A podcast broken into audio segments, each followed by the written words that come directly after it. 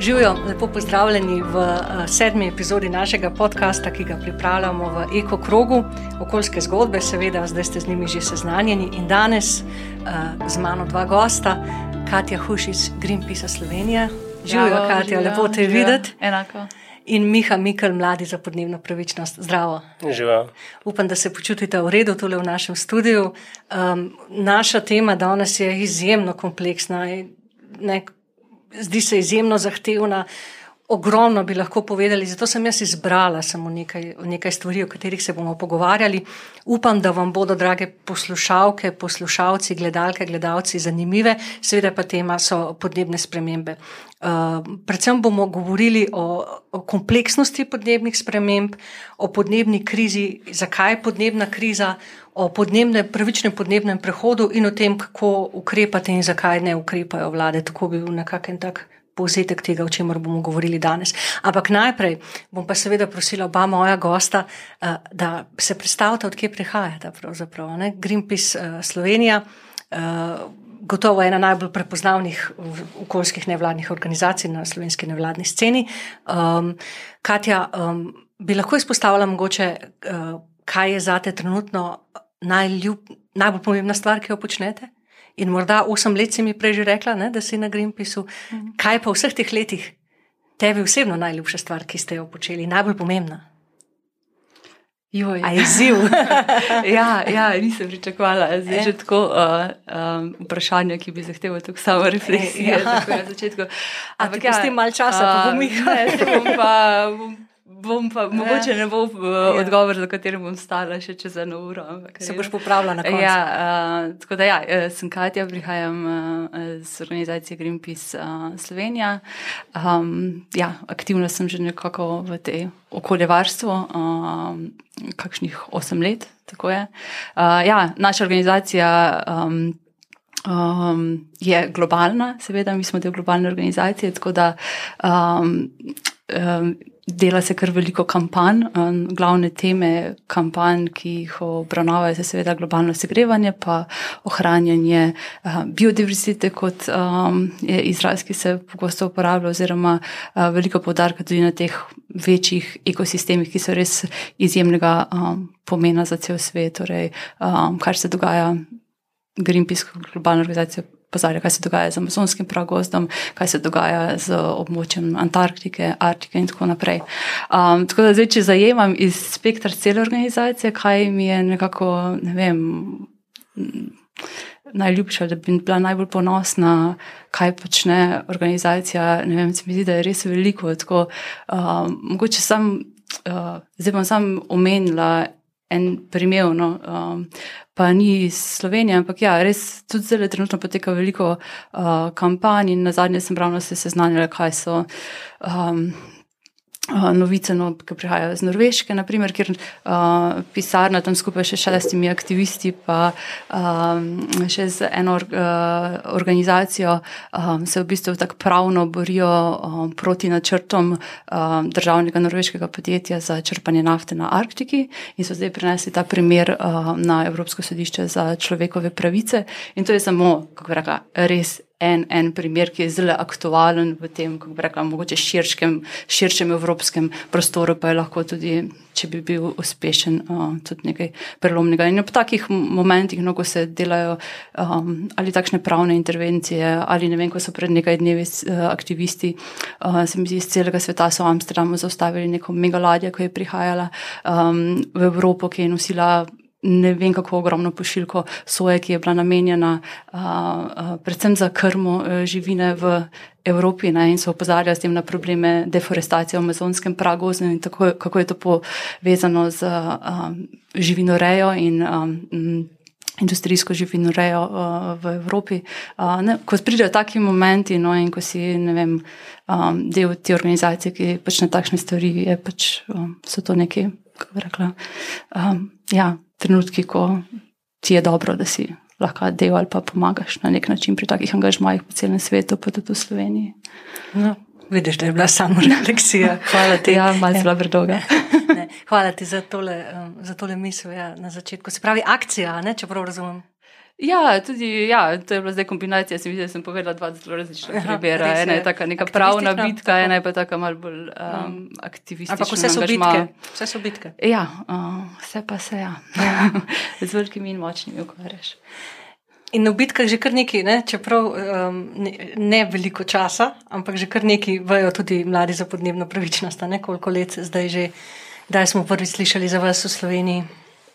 Ja, jaz sem del gibanja od nekje 2019, ko se je začel tisti prvi veliki podnebni štrajk, marca 2019. Gibanje kot tako pa obstaja že, če se ne motim, od 2017, kot podaljšek študentske organizacije Iskra, kjer so pač takrat že naslavljali um, problem, problem energetske slovenske strategije in tako naprej. Uh, ja, od takrat je bilo kar nekaj bitk, zdaj če bi izpostavil eno tako. Um, ki mi je mogoče najbolj blizu ali pa med bližnjimi. Uh, zadnji ta boj, mislim, ko, smo preprečili, da bi bil sprejet zakon, sporni zakon o vodah. Zakaj bi tega izpostavil? Zato, ker to ni bil samo boj mladih za podnebno pravičnost, kot vsi dobro veste, smo bili samo ena izmed organizacij, naravno zaradi tega, ker je šlo za povezovanje toliko različnih ljudi, organizacij in tako nekako je. Skoraj da cela Slovenija zadihala za to in rekla: kapitalu ne. Um, kaj je posebnost tega gibanja mladih za podnebno pravičnost? Kako se recimo razlikuje od ene take recimo, organizacije, kot smo, kot smo jih bolj vajeni, recimo tudi recimo, stališča gostov in gosti, ki so že bili tukaj v tem studiu okoljskih zgodb, ne, se pravi običajnega, rekla v narekovajih, NVO-ja oziroma nevladne organizacije. Ja, ja, kot prvo nismo nevladna Ja, ja, tako. organizacija, ne, smo samo Gibanje, gibanje, tako. tako. tako da nim, nimamo nekega formalnega mm. statusa. Sploh nimate tudi or- organizacije v smislu organigrama? Mislim, se notranje organiziramo tako. ja, zaradi lažjega Ja. ja. dela, no, da, da, um, pa fokusa. Ampak ja, v takem smislu, kot je recimo mm. Greenpeace pa Focus Monotera, pač mi nismo. Ne. In To, da ima neke prednosti, smo mogoče malo bolj prosti. um, se pa pač ne vem, teže prijaviti na kakšen razpis ali kaj podobno, pa da bi kakšna sredstva za kakšne stvari, ki bi jih radi izvali. Vse je trenutno seveda prostovoljstvo. Ne? Vse pa temelji na prostovoljnem delu. ja. Mislim, na kratko smo pač nekako samoorganizirana, demokratična družba posameznic in posameznikov, okrog nekaj več kot sto nas je, um, ki se pač borimo, tako kot sorodne organizacije, za boljši danes, boljši jutri, um, bo, ne, za neko dostojno življenje za vse na ohranjenem in ekološko pestrem planetu. Hvala tudi tebi za tole uvodno predstavitev. Zdaj pa podnebne spremembe. Najprej bi jaz rada nekaj povedala. Ne? Šest epizod smo do zdaj posneli in čisto v vsaki epizodi sem na koncu ali pa na sredi z gostom, z gostjo govorila o kompleksnosti in o medsebojni prepletenosti. Ko pridemo, no, se živimo v kompleksnem in medsebojno prepletenem svetu, ko pridemo do okolja, se mi zdi, da se pa ta kompleksnost še bolj pokaže, da je pravzaprav, kar zgradiš na eni strani, uh, se lahko podre na drugi in tako naprej. Um, Včasih se zdi, da zaradi te medsebojne povezanosti in kompleksnosti so na stvari že davno ušle iz, izpod nadzora in da je na podnebnih spremembah se to zelo jasno vidi. In da so časi, ko so bile možne enosta, enostavne rešitve, že zdavnaj mimo. Zdaj pa jaz vaju sprašujem najprej za začetek. A so bile sploh kdaj možne enostavne rešitve? Če so bile, kdaj smo zamudili ta vlak za, eh, eh, za enostavne rešitve?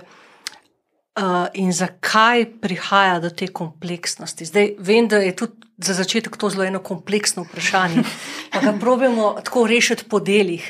Če so bile kdaj možne enostavne rešitve in kdaj smo zamudili ta vlak za enostavne rešitve na področju podnebnih sprememb.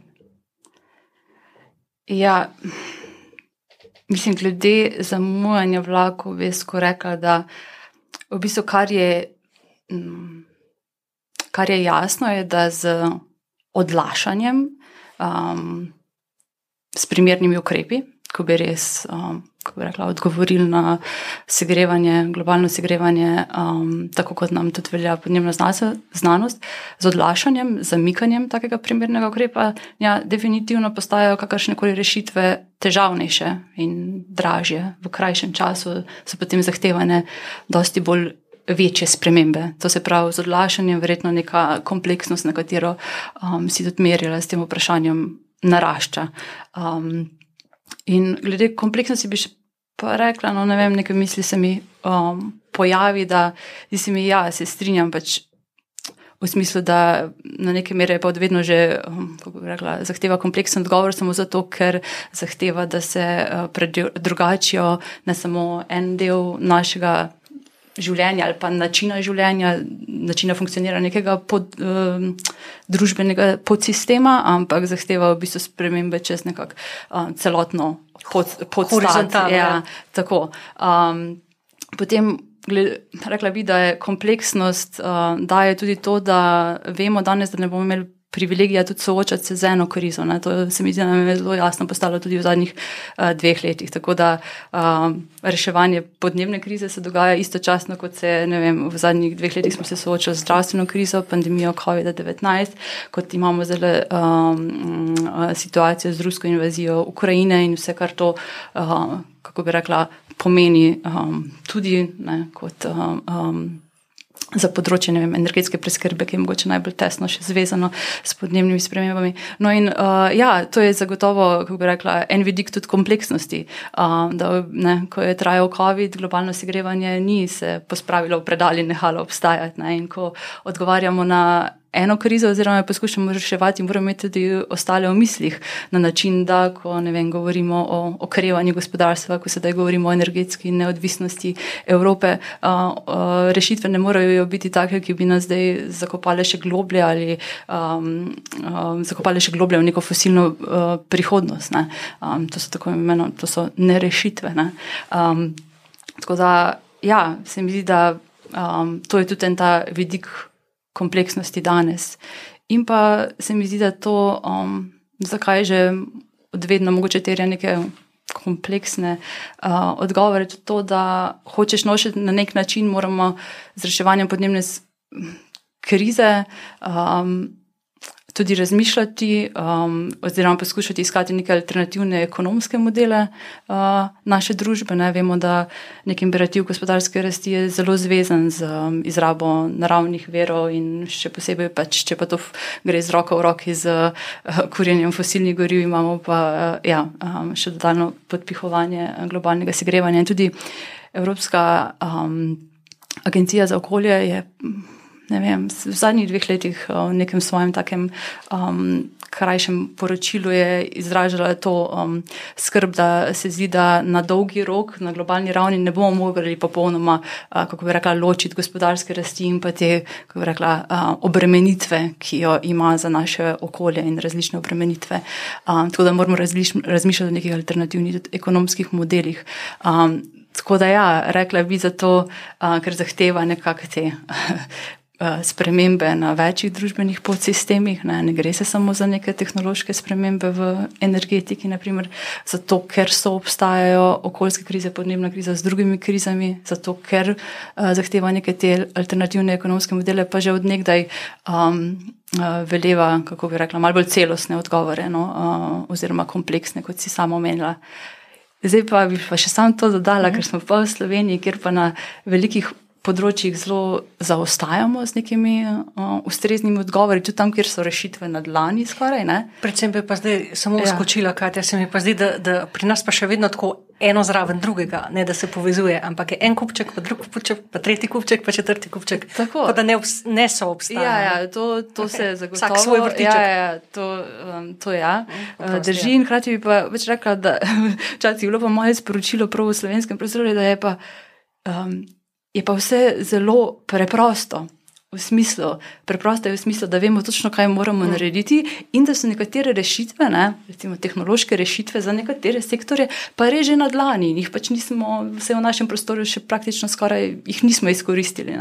Um, Da vemo, ne, tudi globalno vemo, kaj vemo, da moramo narediti v naslednjih osmih letih, prepoloviti uh, emisije. Vemo, da ne sme biti nič več investicij v fosilno infrastrukturo. Ne. In vemo, da obstajajo uh, neke rešitve za določene sektore, naprimer v energetiki. Vemo, da je treba pospešiti na globalni ravni, je bilo zdaj na zadnje govora o um, trikratni pospešitvi prehoda na obnovljive vere energije.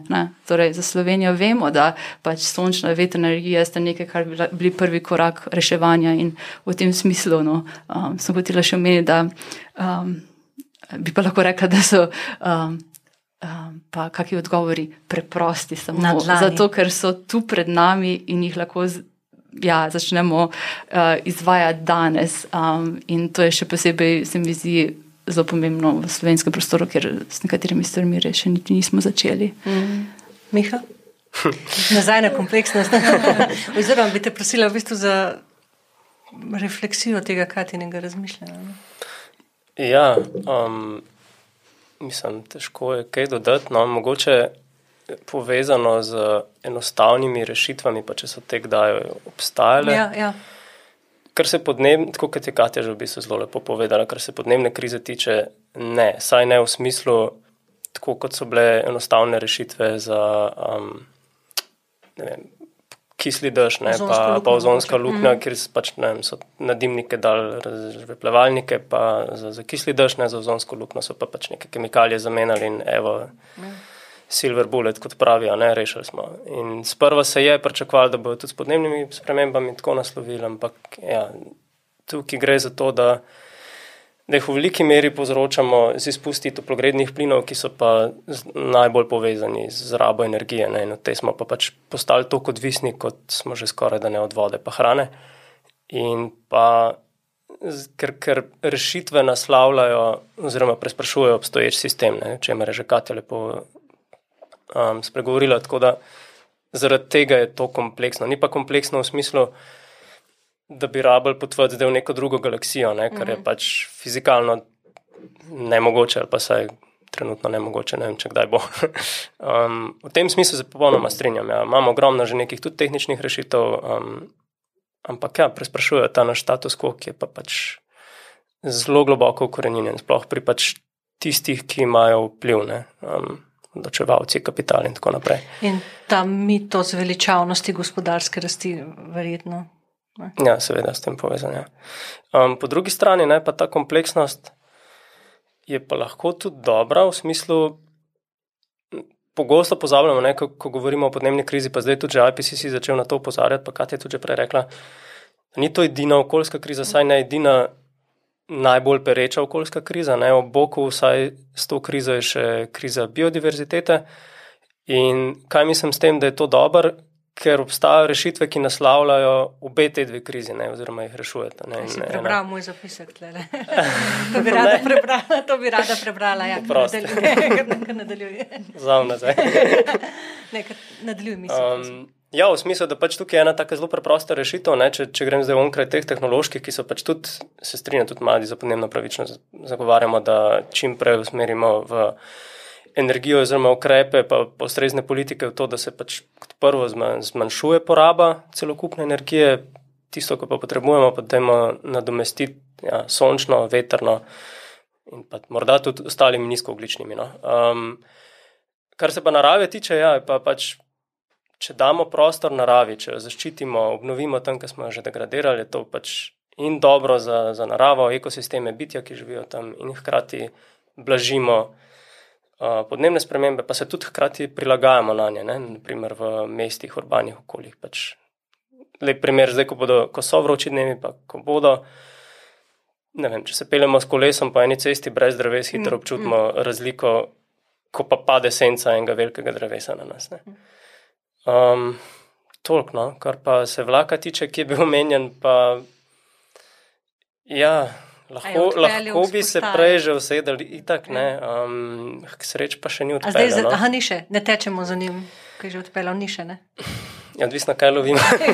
No, zdaj bi jaz rada, pre, res, a ne prav zanimivo na ključe, tule imam en primer, ne ravno v povezavi uh, podnebne spremembe, biodiverziteta. Tule je primer iz uh, Nizozemske, tole je uh, citat uh, vodje oddelka za obalne sisteme pri Nizozemskem kraljevem inštitutu za raziskovanje, morate, če je tak dolg naziv, uh, gospod Myron Peck. Uh, pravi, z izgubljanjem biotske raznovrstnosti ne izgubljamo le narave, temveč tudi nekaj najboljših branikov pred podnebnimi spremembami. Naši oceani, gozdovi, šotna barja, mokrišča so naravna skladišča oglika, ki iz ozračja upijajo škodljive oblike tega elementa in seveda vračanje, vračanje oziroma puščanje naravi, da spet zauzame nek prostor, ne, prostor, ki ga je nekdaj že imela, pa smo ga potem mi strgali, ne, je v bistvu ena taka oblika, uh, kako, se, uh, kako vplivati na podnebne spremembe. No, zdaj bi pa jaz v bistvu za naše poslušalce in poslušalke, gledalke, gledalce, kaj te jaz prosila, ne, ko govoriva o tem. Uh, noč ne bo treba prikazati, samo jaz rada maham z rokami. Um, ko govorimo o tej povezanosti različnih kriz, ali lahko ja. na enem primeru, jaz sem se tukaj izbrala uh, plastično krizo, pa krizo, uh, krizo nesnaženja s plastiko in podnebno krizo. Mhm. Lahko tudi kakšen drug primer izbereš, ali lahko na enem primeru plastično, uh, plastično ponazoriš, uh, to je pa zdaj podzavest, yeah. Ja, ja. uh, ponazoriš to prepletenost. Ne? Ja, ne vem, če bom lahko na specifičnem ja. primeru, ampak bi moče samo nadaljevala.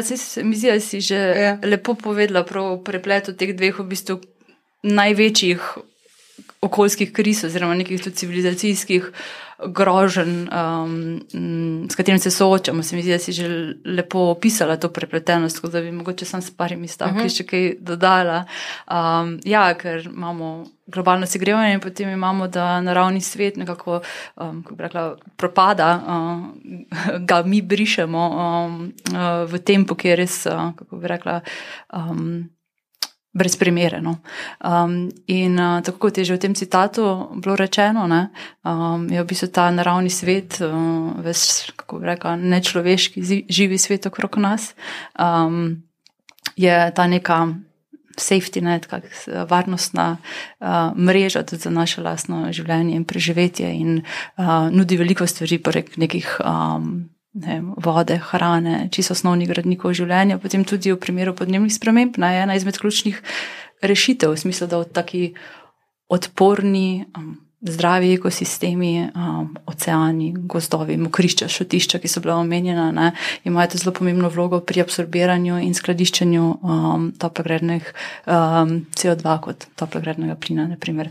In seveda, po drugi strani je pa ta prepletenost tudi, da um, ta odpornost dan danes ali um, odpornost teh ekosistemov se pa včasih tudi moramo jim malce več pozornosti posvečati ne, in jo moramo bolj aktivno ustvarjati, ne samo s preprečevanjem uničevanja, ne, ampak tudi na način, kako sta prepletena podnebna kriza in izgubljanje biodiverzitete, je tudi, da globalno um, segrevanje z vsemi svojimi posledicami, ne, intenzivnejše in bolj močna uh, neurja, suše, poplave, te ekstremni vremenski. Um, dogodki, v bistvu tudi predstavljajo nek dodaten pritisk na tako rastlinske, živalske vrste, ne, in, ki se težje prilagajajo novim situacijam. Tako da, hkrati pa, kot smo omenjali, ne, da imamo neke.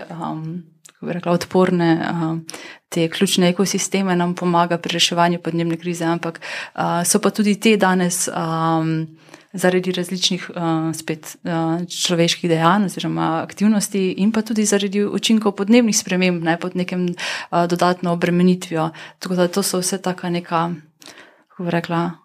Prepleti uh mhm. -huh. nekih učinkov med sabo, ki jih imajo v negativnem ali pa potem v pozitivnem smislu.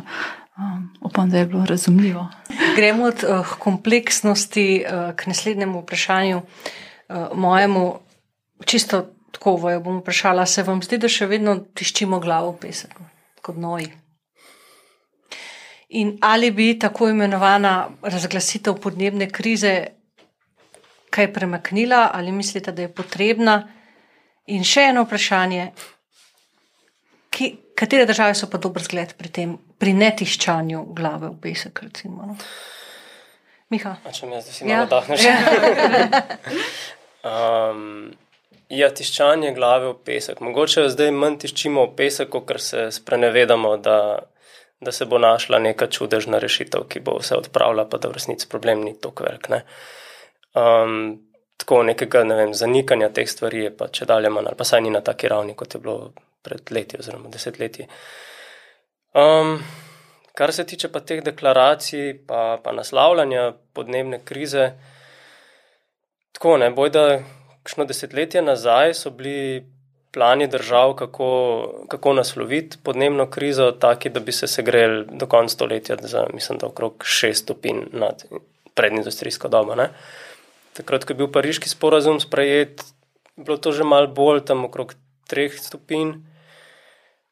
Pred zadnjim tem srečanjem ne, voditeljev v Glasgowu um, so prišli do nekje 2-4, zdaj so pa je že na 1-9.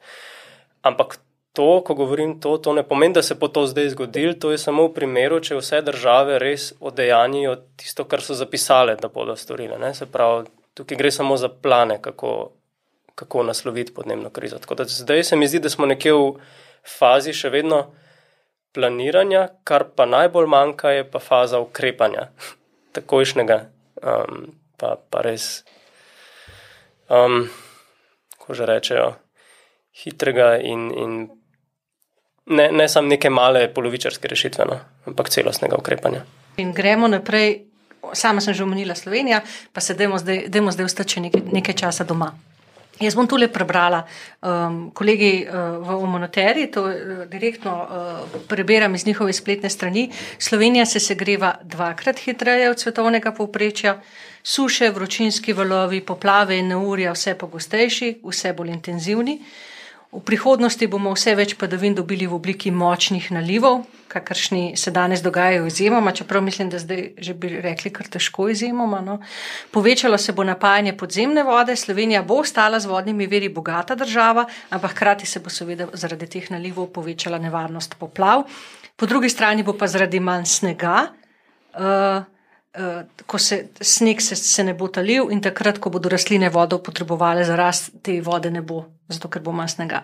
Uh, to so na kratko te prognoze. Ravno danes sem poslušala, uh, poslušajte se in poslušalci in gledalci, tudi priporočam uh, na prvem programu nacionalnega radia, je bil pogovor z meteorologom, pa mi je zdaj šlo iz glave ime slovenskim strokovnjakom, ki je dejal, 2100 bi lahko, če bi lahko bila klima na Kredarici takšna, kot je zdaj na Krvavcu. Torej, da bi se ta klimatski pas premaknil za 800 metrov navzdol, navzgor.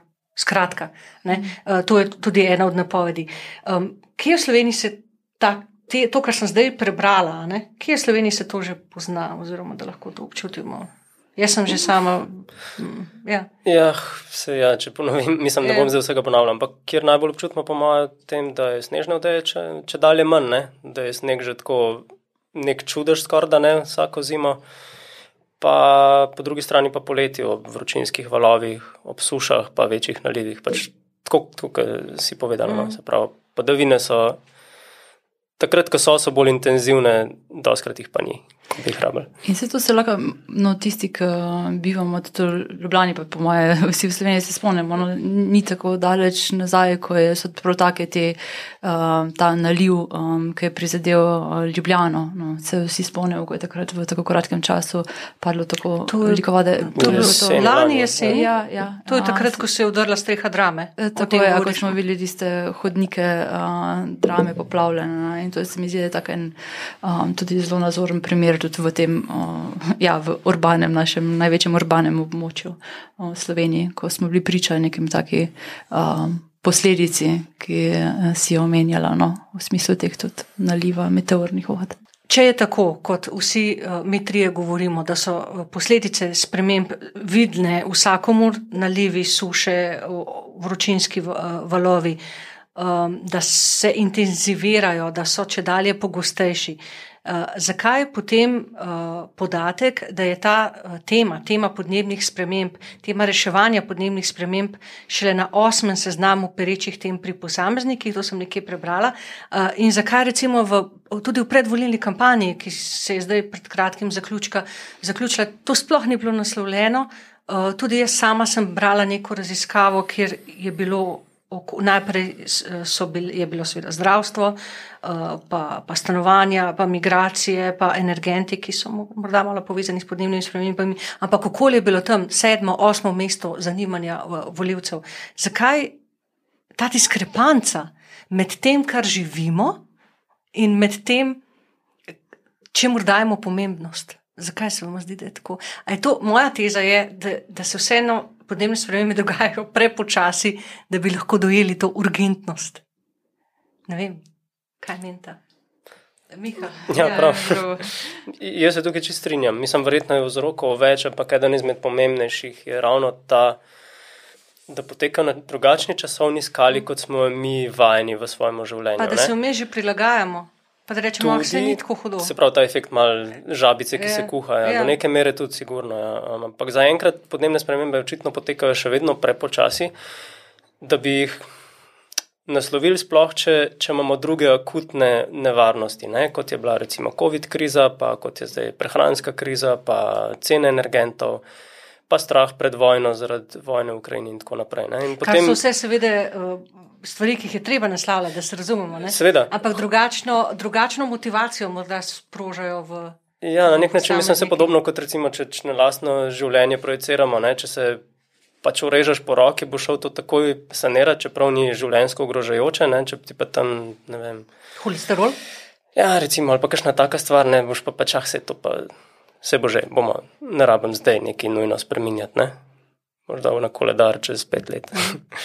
um, tako da ja, mislim, bojim se ravno tega časa, ko bo pa podnebne spremembe začele delovati na, na naši skali? Ker se bojim, da bo takrat malo prepozno. Um, ne, govorimo o teh točkah preloma, ki, ki nekaj časa poteka to tako linearno, potem se pa lahko zadeve zrušijo. ne. Um, in jaz bi si res želel, da, da nas pere pamet sreča in da ne pridemo do, do teh točk. Ja, pa jaz bi sam, um, ki si omenila tudi to um, predvolilno razpravo, oziroma pomankanje kakršne koli razprave um, mm, o okoljskih temah, oziroma o podnebni krizi, o krizi biodiverzitete. Se mi da tule tudi um, um, nosijo določeni um, segmenti pač neko odgovornost, tudi naprimer, da mediji nosijo odgovornost, da vse en to dajo uh, na agendo uh, redno. Tudi jaz, ja, ko sem gledala, ko smo lahko gledali ta glavna um, televizijska soočenja, ne, lahko smo, ne vem, bilo je govora o spet. Uh, energetski neodvisnosti, o, um, bolj kot ne, o, smo poslušali o, lahko bi poslušali o menjavi dobaviteljev plina in tako naprej. Ne. In o A, plinskih terminalih. Uh, Ja, lahko smo bil- bilo je uh, seveda vprašanje o drugem, še o eni jedrski elektrarni v, v Sloveniji in pa mogoče kakšna beseda o kmetijski samooskrbi, potem pa. To je pa tudi to, no. se mi zdi, da že samo tudi izrazi podnebna kriza ali kriza vem, eh, izgubljanja naravnega sveta, kriza biodiverzitete. Ne vem, če so bili, uh, no, če so bili izgovorjeni, so bili zelo malo krat. Ampak um, tako kot jaz, ko vem, um, si povedala te, hm, mislim, da je bila ta raziskava Eurobarometra ne, na osmem mestu in na prvem mestu so. Še ver si našla. hvala, Ja, ja. se mi zdi, da je bil Eurobarometer, ker sem tudi jaz brala o tem. Um, na prvem mestu je bilo zdravje, potem se mi zdi ja, inflacija oziroma naraščanje uh, cen uh, življenjskih potrebščin in v glavnem podnebna kriza je bila ja, na osmem mestu. No, ko to berem, je tudi se mi zdi, mm, ja, zdaj, če z pozicije na, uh, organizacije, ki jo tudi predstavljam, se mi zdi, da je tak nek. Zdaj se signal, da vem, moramo mi več narediti, da kakršno koli vlogo imamo, da to postane, um, kako bi rekla, prioritetna tema, karkoli lahko naredimo, da se dvigne na um, politični agendi. Um, in ja, zdi se mi tudi, no, kar sem prej omenila, da recimo mediji imajo tudi nosijo neko um, odgovornost, da to delajo kot temo, ker če sem recimo politik in um, berem vem, izsledke te raziskave na predvoljenem soočenju, se mi je skoraj dobeno vprašanje, pa se s tem ne pojavi. Pač, ne vem, vem, da ne bom, kako bi rekla, moja uspeh političen ne bo zavisel na teh temah ne? in so lahko še vedno ostanejo na ne vem, zadnjih. Um, straneh ali pa na zadnjem predaru uh, neke agende. Ne? In, um, Ja, in kar pa danes vemo, da rabimo, ker tako smo omenjali, ne, načrti, ki so ne, na papirju, pač niso dovolj naspeljajo scenarij, ki ga v bistvu nočemo živeti, ne, doben od nas. Um, in rabimo v bistvu nek zelo množičen pritisk na politični razred, um, da bo nekako prekinil s statusom quo. Um, tako da ja, moj. Kako bi rekla, malo zamoten komentar. No, tole Jaz bi, jaz bi zdaj tle se filozofije poslužila, no, se mi zdi tako zanimivo za tale pogovor. Angliški filozof Timothy Morton, Morton pravi, da je podnebna kriza hiperobjekt. Hiperobjekti so uh, nadse vitalni, kot vesolje ali internet, ampak o njih razmišljamo kot o abstraktnih idejah, ker, jih, ker so preveč obsežne, da bi lahko razmišljali konkretno. In, uh, čeprav so pa na drugi strani, seveda, ti hiperobjekti resnični kot kladivo, je to v narekovajih torej nekaj, kar te udari po glavi. Ali, uh, ali gre za to, da so podnebne spremembe stvar, ki je premalo konkretizirana, zdaj v bistvu to izziv za vaju, ker če pa je kaj dokazalo to, da smo pa ljudje sposobni stopiti skupaj in odločati o sebi, je pa to lanski referendum za vodo pokazal. Ne? Ko je bil konkreten primer smo ljudje šli, smo ljudje šli množično na referendum in smo rekli ne, oziroma smo zahtevali pač um, naravo. Um, um, v svojih akcijah redno pozivate ljudi, naj pritisnejo na politiko, zahtevajo ukrepanje. Kako ne ljudje to storijo, če še sami ne verjamejo, da je to problem? Uh, in kako bolj to, če je rešitev konkretnost, kako to bolj konkretizirati? Ja, mislim, da se tukaj čisto strinjam, ne, da je veliko lažje, ko je nekaj konkretnega, pa se bolj uprijemljiv, da, da za to stopiš, ne pa se boriš. Mislim, pa tukaj je bilo tudi zato, da smo preprečili, da bi se nekaj poslabšali ne, in smo lažje tudi tako nekako razumeli, zakaj za gre. Ne. Tu govorimo pa o vrstah, v celi paleti ukrepov, ki bi jih mogli sprejeti, in mogoče kar nam manjka, je um, ustvarjati neko vizijo kako boljša družba bi lahko to bila. Ne? Pogosto se, se mi zdi, da se, da se dojema te ukrepe kot, jo, zdaj nam boste pa nekaj vzeli, ne? moj izrezek, pa moj avto, pa ne vem kaj. Na, če se dam na, na osebno raven. Um, ampak pozablja se pa podarjati, kaj vse bi dobili s tem. Ne? Recimo, mislim, med našimi ukrepi so 32-urni delovnik za 4 dni na teden. Ne? To je ogromno enega časa več, ki ga lahko namenimo družini, prostemu času in ker hodimo manj v službo, pač manj onesnažujemo. Um, potem ne vem, neke univerzalne temeljne storitve, recimo, ne, da bi imeli dostopen, mora biti tudi za ston javni, učinkovit prevoz, ne, da se kadarkoli usedeš in se peleš iz enega kraja v drugega in ne brigate, zakaj bi imel avto, ne rabiš ga. Um, in druge storitve, ne, na, ne naprimer, kot imamo knjižnico. In to bi bil pač kar naenkrat veliko boljši svet za vse. In mogoče nam tukaj malo zmanjka, no, kako to, to sliko ustvarjati. Um, in hkrati pa, ja, kdaj bo šli ljudje na ulice, ne vem, verjetno takrat, ko takrat gremo kar res za boline. Um, zdaj, mogoče ta preplet kriz, o katerih se pogovarjamo že danes tekom pogovora, um, bo pripeljal do tega, da bo tudi se več ljudi angažiralo v smislu. Če, če dalje hujša je socialna stiska ne, zaradi višjih cen in hrane in energentov. Um, lahko se zgodi tudi, da bomo začeli zares trpeti v neki bližnji prihodnosti, če čiste osnovne dobrine, kot je hrana. Ne. Zdaj se vidi, kaj je ena vojna v žitnici Evropi, Evrope lahko pomeni, ali pa vročinski val, ki je zdaj v Indiji, pa Pakistanu. Ne. Mislim, da že par tednov okrog 50 stopinj in zaradi tega pač se rekli, ne moramo več izvažati pšenice. Um, Čisto ta neka elementarna vprašanja, ki tako, wow, mogoče pa res moramo te stvari nasloviti, ne? ker nam bo res boljš, če bomo bolj odporni in pripravljeni na to. Da... Še pa še en faktor, um, to je pa to, da smo načeloma ljudje zdaj zelo okupirani. Um, ne vem, v službah tudi to, ja, pa te lažne informacije, pa potem komu kaj verjeti. Ampak tudi, tako, kar se tiče recimo aktivizma, ne, pa, pa, pa namenjena časa temu, ne, mislim, po svoje je to neke vrste luksus. Ne, um, tisti, ki imamo to možnost, da si to lahko prvoščimo, čeprav bi lahko počeli druge stvari v življenju, ampak marsikdo si pa tega niti ne more prvoščati. Ne, nima, ne vem, možnosti delati dve službi ali pa s tisto komi, ki jo ima, pride čez mesec, ne, ne vem, skrb za otroke in tako naprej. In, Malo, da ti ne pride na pamet, da boš pa zdaj še ja, šel na ja. ulice ali pa pač pisati nekaj. Ja, tako je. Prosti si želel še kaj? Ne, ja. se, to je to. Kaj te ti si? Se mi zdi, da sem vmes hodila, da se mi je pet stvari uh, porodilo, pa sem jih vmes že skoraj vse zgubila na novo.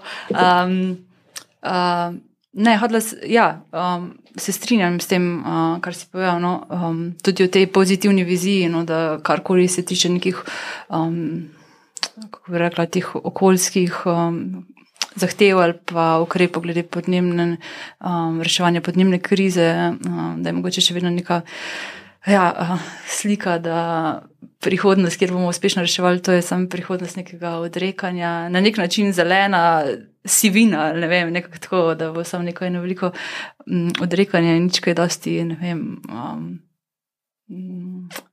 Veselja. Ja. Ne, tako, na nek način si mogoče ljudje predstavljajo kot uh, malce bolj asketsko in sivo prihodnost, um, paradoksalno. Ampak, um, s, ja, um, ampak govorimo o nekih spreminjanju tudi naših uh, življenjskih slogov in sistemov, ki to omogočajo. Uh, to se pravi, ne, um, je v bistvu tudi se dobro zavedati, da ko govorimo o današnjem življenjskem slogu, da govorimo tudi o tej situaciji, ki si jo na nek način omenja o ljudeh, ki so utrujeni, zgarani, tako kot je zgaran naš naravni svet, o svetu, v katerem je um, nekako verjetno neka epidemija tudi. Um, duševnih težav, um, anksioznosti, um, depresije, um, in uh, tako, no, um, da v bistvu skupaj z um, naslavljanjem okoljskih težav, ne, ki so tako, ki zahtevajo neke širše družbene rešitve, tudi v načinu ja, gospodarstva, dela in vseh drugih ja, specifičnih podsistemov, da, um, da gre za to neko do, svetlo prihodnost, ki nam bo prinesla še kaj drugega, kot pa samo, uh, reka, samo nižanje izpustov. Uh mhm. -huh. Tudi, če vzamemo za primer ta zelo tehničen del, ne, energetika, ne, neke nove tehnologije, ki jih lahko danes uporabljamo, ne, dajo uh, neko možnost za povezovanje v lokalni skupnosti, postavljanje skupnosti sončnih elektrarn, kjer je tudi nek, kako bi rekla, spodbujanje nekega novega načina bivanja, ki povezuje ljudi, pa mogoče uh, življenje v tvojem kraju, da bi nek, uh, kako bi rekla, mal. Um, ne vem, neko novo dimenzijo uh, obstajanja z drugimi, uh, kako koli uh, um, tako abstraktno se to sliši. Ampak uh, ja, zdi se mi, da ja, verjetno moramo biti tudi boljši pri tem uh, ustvarjanju teh zgodb, um, zakaj se v bistvu.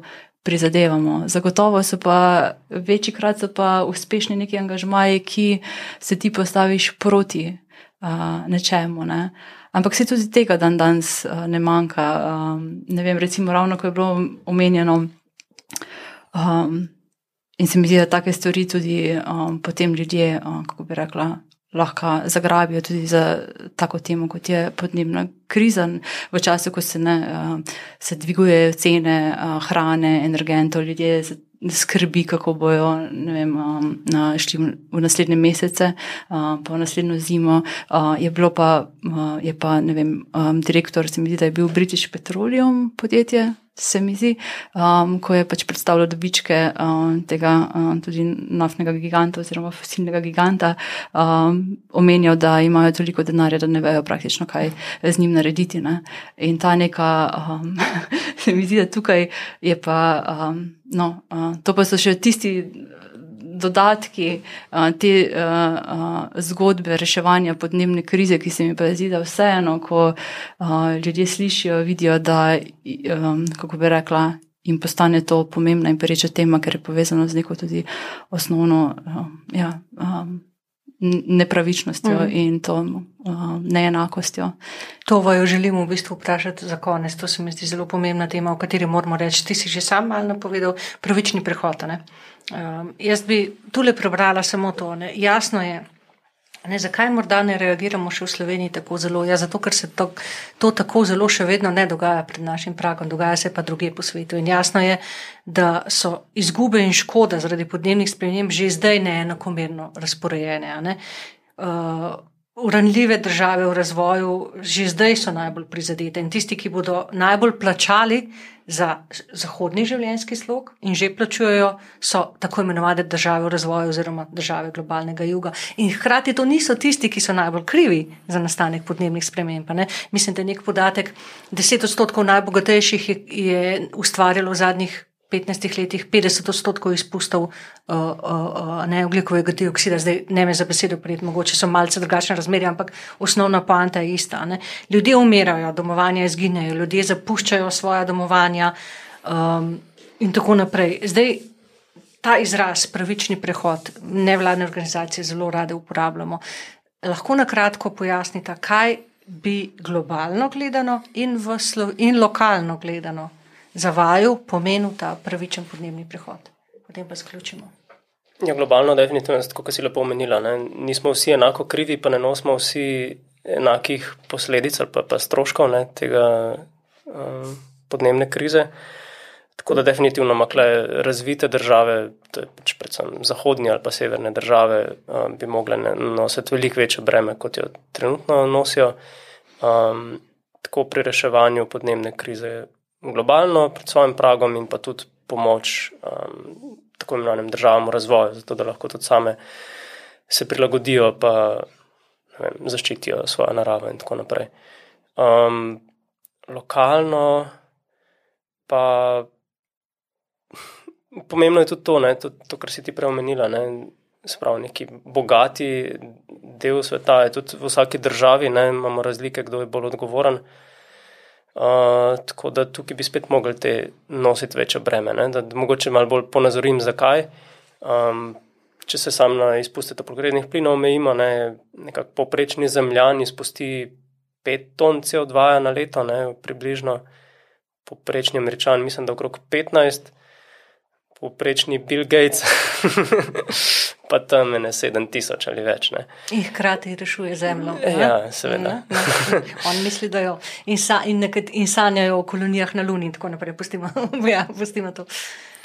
Tako da ja, pač breme morajo nositi uh, tisti, ki so za to bolj odgovorni. In to so pač bogate, razvite ali države ali pa posamezniki. In temu primerno bi pač mogli tudi ukrepi slediti. Ne, za, mm neko progresivno obtečitvijo, um, prepovedijo tudi kakšnih stvari. Ne. To, da imaš vem, svoje privatne letala in tako naprej, kar njega nese, recimo, da, da ima tako velik oglični vtis. Pač enostavno ne moramo vsi tako živeti in tudi te ne bi smeli. Ne. Nek, neko zgornjo limito bi mogli tudi postaviti. Ne. Ker včasih se zdi, da je pač preprosto zato, ker lahko. Ja. Ker lahko. Ker lahko Zakaj letijo na Luno, ker lahko. Jaz ja. se mi zdi, da v Sloveniji se pozablja ta globalni vidik pravičnosti. Tudi, ko se mi zdi, da dosti krat uporabljamo izraz um, pravični prehod. No, in je dobro, da se ga tudi v Sloveniji zavedamo prav te globalne dimenzije, da Slovenija kot uh, država ena izmed bolj, uh, kako reka, nosi večjo odgovornost, tudi kar se tiče teh zgodovinskih um, emisij, oziroma sedaj spada med tudi države OECD. Um, in ja, in bi morala zagotovo hitreje in pa bolj korenite ukrepati kot nekatere druge. Torej, sodimo v ta ne, um, skupino držav, ki more. Um, med prvimi uh, sprejeti in najbolj korenite ukrepe. In, um, ja, recimo, tako da je pomembno, naprimer, ko smo se v preteklih letih in se še pogovarjamo in se še bomo o. Um, Um, zapiranje premogovne proizvodnje v Sloveniji. Uh, uh, so jasni, mislim, um, kako bi rekla, um, izle, uh, kako bi rekla um, jasno vodilo je, da države OECD po letu 2030 ni več premogovnih elektrarn, oziroma uh, premog se ne kuri več um, uh, v teh državah, vključno s Slovenijo. Um, in uh, ne, trenutno imamo mi še vedno našo odločitev, ne, politična je, da bomo še 12 let uh, kurili premog in to seveda ni pravično uh, z globalnega uh, vidika. Um, in ko se, ja, uh, ker pravičen prehod se pa dosti krat se mi zdi uporablja uh, v navezavi mogoče bolj na lokalno ne, uh, situacije, na pravičen prehod v smislu, um, da zato, ker bojo te spremembe. Um, ki so povezane z uh, nižanjem emisij, to se pravi neko restrukturacijo različnih um, energetike, pa industrije, ne bo pomenilo, ne, da bodo nekatere uh, industrije um, praktično izumrle, nekateri, nekateri ne, delavci bodo izgubili službe v teh industrijah, hkrati se bodo druge industrije razvijale in tako naprej. Um, in pravični prihod se mi zdi, da je veliko krat vse v Sloveniji uporabljen na ta način, torej, da poskrbimo, ko se te spremembe dogajajo, um, da um, se, um, kako bi rekla, uh, vključuje, oziroma da se nikogar ne pusti, uh, pusti zadaj, ko se reče, no one mm. left behind. Mm. To se pravi, da delavci, ki bi zaradi teh sprememb izgubili službo, da se temu aktivno pristopimo, da imajo prihodnost v uh, drugih sektorjih, da uh, neke lokalne skupnosti, ki mogoče so zelo odvisne od ene specifične, naprimer premogovne industrije, imajo ne, neka vizija razvoja in ukrepi, uh, da tam seveda se ne zgodi neko socialno uh, opustošenje. Ne, in to, ta pravičen. Um, um, prehod se seveda potem res mora izvajati v nekem um, dialogu z tistimi, ki um, so um, prizadeti ne, in ki jih to zadeva. Ampak pravim, da, da pa ta uh, lokalni vidik eh, pravičnega prehoda ne sme nekako biti pa uh, izgovor, uh, da pa zamikamo potrebne ukrepe, ne? da pa pač rečemo, bomo pa kurili premog še 20 let, ker prej ne moremo. Ne? To, to, to, to ni sprejemljivo za državo, uh, kot je Slovenija. Ne. Tako da ta globalna perspektiva potrebnih ukrepov, podnebnih, ne more biti isto vodilo in pravičen prehod, izraz, kot se ga uporablja, ne sme postati izgovor, da spet odlašamo. Uh -huh um, in potikamo v neko nedoločno prihodnost, potem odločitve, kot je, uh, ja, da bomo uh, zaprli uh, recimo našo največjo premogovno elektrarno. Hkrati pa se mi zdi, da bi morali res razmišljati več o tem, o čemer si ti govorila, tem prehodu. Vključevanju in pravični rešitvi za vse, ker se mi zdi, da v Sloveniji imamo še veliko krat v tej stari, že zdavne preživeti mantri ali delovna mesta ali okolje. to, tega, ne, še vedno ja. se mi zdi, da včasih razmišljamo tako, ne, pa seveda to še zdaleč ni res. Vse, samo če se razmišlja pravično. Ne, ja, in še mogoče ena stvar glede pravičnosti, ker sem prej omenila to. British Petroleum, no, kot primer, oziroma izjave njihovega uh, direktorja. Uh, zagotovo, kar se mora tudi narediti, um, in tudi pravično, da se res bolj um, na prste stopi tem velikim uh, naftnim uh, korporacijam. Ravno prejšnji teden, pred nekaj dnevi, je šla raziskava Guardiana, um, ki je ugotavljala, da uh, načrti teh velikih naftnih gigantov, kot so vem, Exxon in Gazprom in našega sveta, um, njihovi načrti za fosilne projekte v naslednjih sedmih letih, če bi se izvedli, da bi nekako uh, sproducirali emisije, ki ustrezajo današnjim emisijam za desetletje Kitajske. Naprimer, ne? Če za takega v bistvu ne sme priti. No? Taki načrti se v bistvu um, ja, ne smejo izvesti. Ne? In, um, tako da se mi zdi ta vidik uh, pravičnosti, je tudi neka odgovornost, ki jo nosijo te velike naftne uh, družbe, ki že krepko dolgo časa uh, vedo uh, za problem globalnega segrevanja in vemo, da so tudi v preteklosti veliko vlagali v lobiranje in take ali drugačne oblike, še danes greenwashinga. Zanikanja. Um, in zanikanja. Um, in ja, in jim res stopiti na prste. Okay. Hvala obema, čisto za konec. Um, citiram oziroma parafraziram Antonija Gramšija, nekaj v stilu: Pesimist sem pesimist razuma, ampak optimist duše. Kaj sta vidva? Se čisto strinjam ja. tukaj. Um, mislim, biti optimist v tem času ne, je, je lahko zelo nevarno, zato ker um, ponavadi so optimisti z argumentom, da se bo razvila neka nova tehnologija, ki bo vse to rešila in kaj to povzroči, da ne naredimo nič. Da, da ohranjamo, čakamo, ja. čakamo in ohranjamo status quo. Ne.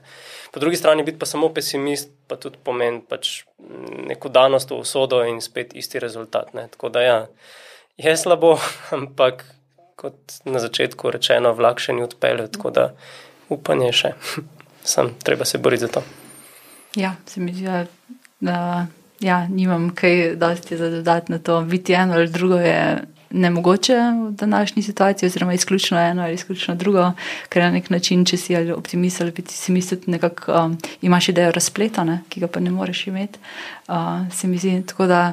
Um, Ja, se mi zdi, da kateri koli elementi pesimizma, skrbi um, in drugih čustev, ki se mi pojavljajo, ja, sam poskušam pretvoriti v neko motivacijo za angažma, pa za delo. Um, in kateri koli momenti optimizma, ki se vmes pojavijo, če tudi uh, dan, danes jih je res, uh, kako bi rekla, malo, um, tudi uporabiti za isto. No. Um, ja. Katja, Miha, hvala vam za tale navdihujoč pogovor, za tele uvide. Um, ja. Hvala za vabilo. Ja, hvala. Moje ime pa je Karmen, poslušali ste sedmo epizodo, epizodo okoljskih zgodb, delite jih naprej in se slišimo k malu. Hvala obema še enkrat. Srečno. Hvala. hvala.